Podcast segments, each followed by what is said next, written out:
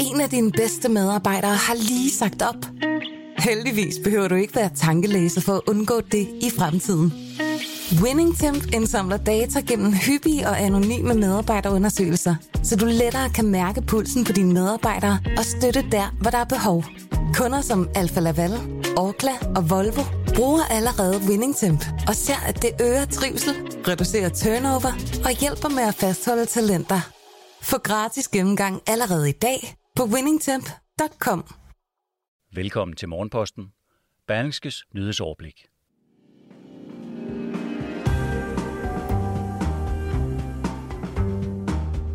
Selvom håndværkerfradraget forsvinder til næste år, bliver ventelisterne hos håndværkerne nok ikke kortere. Det aktive stof sildenafil i Viagra kan sandsynligvis nedsætte risikoen for demenssygdommen Alzheimer's. Og så er skatteborgerne her i landet kastebold mellem ikke mindre end syv styrelser. Men både skatteborgerne og styrelserne selv kører sur i den nye struktur, viser flere eksempler. Og der er helt sikkert et mørketal, hvor folk bare giver op, lyder det. Den 7. kalenderlåge skal åbnes. Godmorgen, det er tirsdag den 7. december, og mit navn er Mette Melgaard. Vi begynder med håndværkerfradraget, der bliver udfaset den 1. april næste år. Men selvom det sker, så vil det ikke mindske ventelisterne hos landets håndværkere. Det mener Daniel Dylevski, der ejer håndværksfirmaet Total Entreprise APS i Ringsted. Ifølge børsen havde 42 procent af virksomhederne i byggebranchen mangel på arbejdskraft i november. Folk er jo ikke dumme og vil prøve at få ordnet det, de skal inden den 1. april, så de kan få et fradrag. Og jeg er da sikker på, at i februar og marts vil kunderne tikke og bede om at få lavet en opgave, inden fradraget forsvinder, siger Daniel Dylevski til børsen. Og han har selv rigeligt at lave. Jeg er da ret sikker på, at ringer du til en anden håndværker med en opgave inden den 1. april, så bliver det nok til en overpris, hvor du så kan tage mod den pris eller lade være med at få opgaven udført, siger håndværksmesteren. At det fra april skal være fortid med skattefradrag på udvalgte renoveringer af boligen, stod klart, da regeringen mandag fremlagde næste års finanslov. Politikken skriver i dag om det aktive stof sildenafil i Viagra, der sandsynligvis kan forhindre den dødelige hjernesygdom Alzheimer's. Det skriver avisen med henvisning til et nyt studie, der er offentliggjort i det videnskabelige tidsskrift Nature Aging. Forskerne, der står bag studiet, er nået frem til deres resultat ved at nærstudere 7 millioner amerikaners sundhedsforsikringssager. Folk med recept på sildenafil viste sig at have 69% mindre risiko for at udvikle Alzheimer's. I laboratoriet bekræftede forsøg sildenafils positive egenskaber, ikke kun på mænds rejsningsproblemer, men også når det handler om at forhindre demenssygdommen Alzheimer's.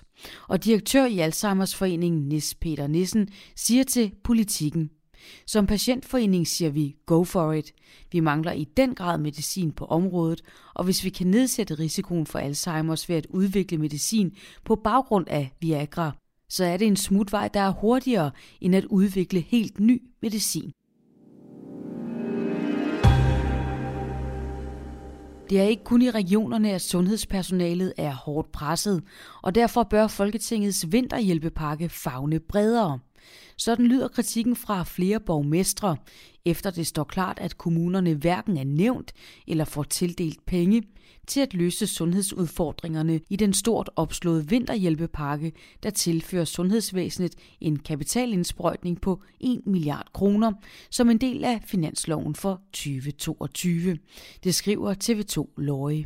Flere borgmestre i hovedstadsområdet er utilfredse med, at de går glip af pengene fra vinterhjælpepakken, fordi der også løses mange sundhedsopgaver i kommunerne, og manglen på sygeplejersker og sociopersonale også mærkes her.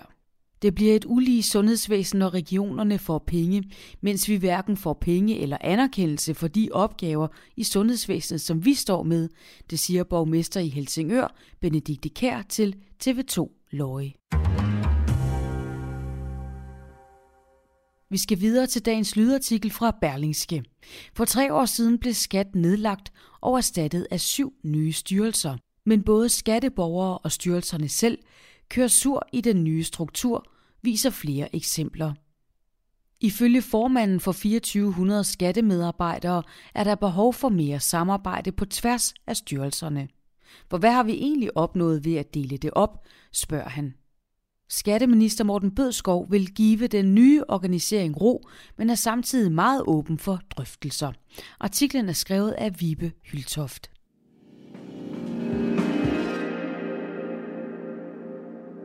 En skatteborger er på næsten kafkask vis kommet i klemme i skattevæsenets nye struktur med syv nye styrelser, der som en fugl Phoenix rejste sig af asken efter nedlæggelsen af skat i sommeren 2018.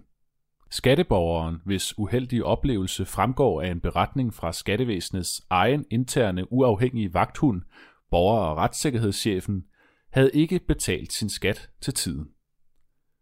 Skattestyrelsen sendte derfor det skyldige beløb til inddrivelse hos Gældsstyrelsen, der populært sagt er statens inkassofirma. Det virkede. Borgeren betalte sin skattegæld. Desværre indbetalte borgeren pengene til den forkerte styrelse, nemlig Skattestyrelsen. Borgeren skulle have betalt pengene til Gældsstyrelsen. Skattestyrelsen var imidlertid hjælpsom og sendte pengene videre til Gældsstyrelsen. Skattestyrelsen fortalte også skatteborgeren, at Gældsstyrelsen ville udligne skattegælden med det indbetalte beløb.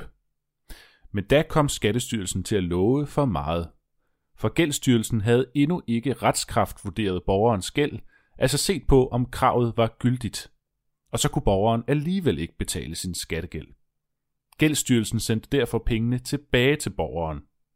Det var borgeren langt fra tilfreds med, og klagede derfor over hele forløbet og over, at skattegælden ikke blev udlignet, selvom gælden var betalt.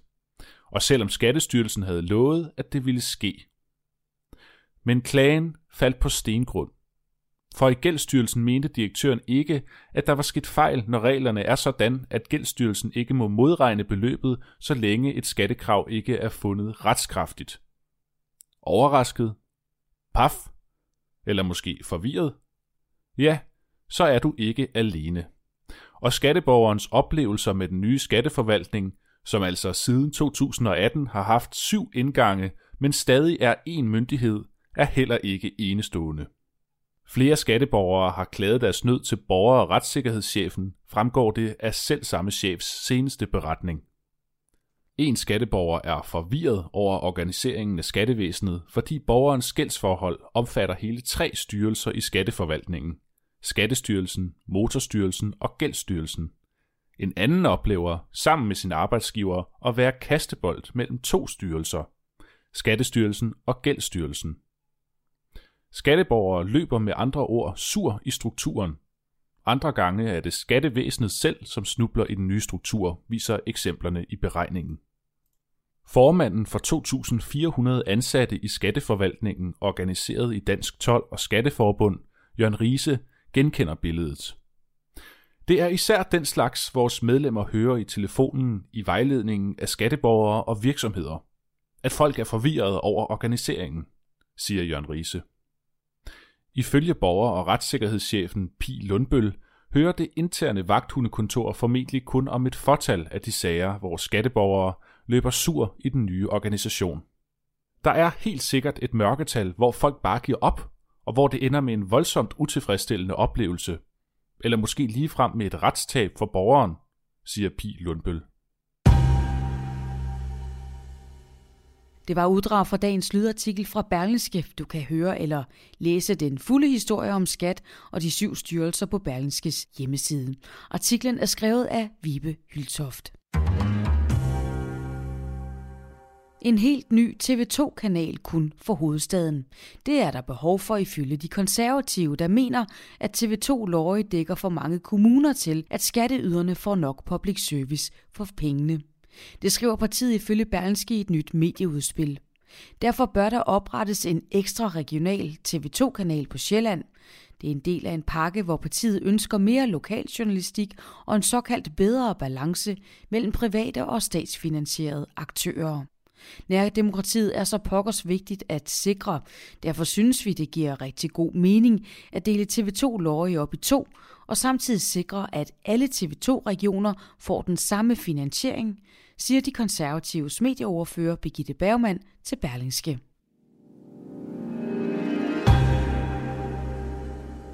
Ved VM i håndbold for kvinder, der bliver spillet i Spanien, vandt Danmark i aftes sikkert over Sydkorea med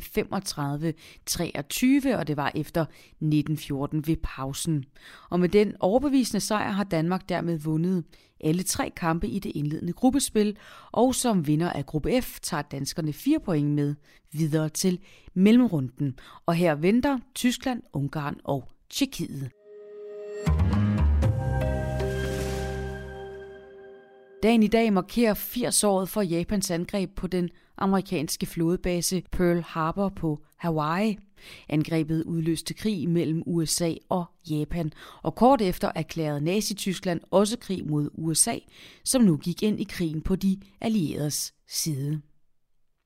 USA's præsident Joe Biden og Ruslands præsident Vladimir Putin mødes i dag til et virtuelt topmøde og et vigtigt punkt på dagsordenen er sagen om den russiske opbygning af tropper ved Ukraine.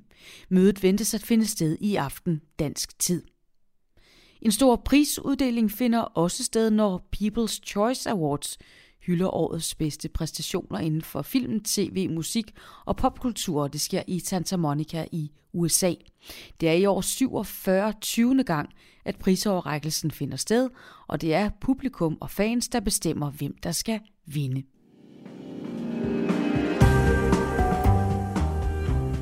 Det var alt fra Morgenposten på en tirsdag i december.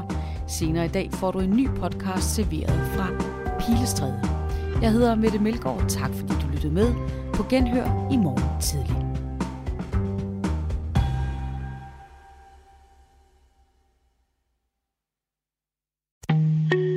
En af dine bedste medarbejdere har lige sagt op. Heldigvis behøver du ikke være tankelæser for at undgå det i fremtiden.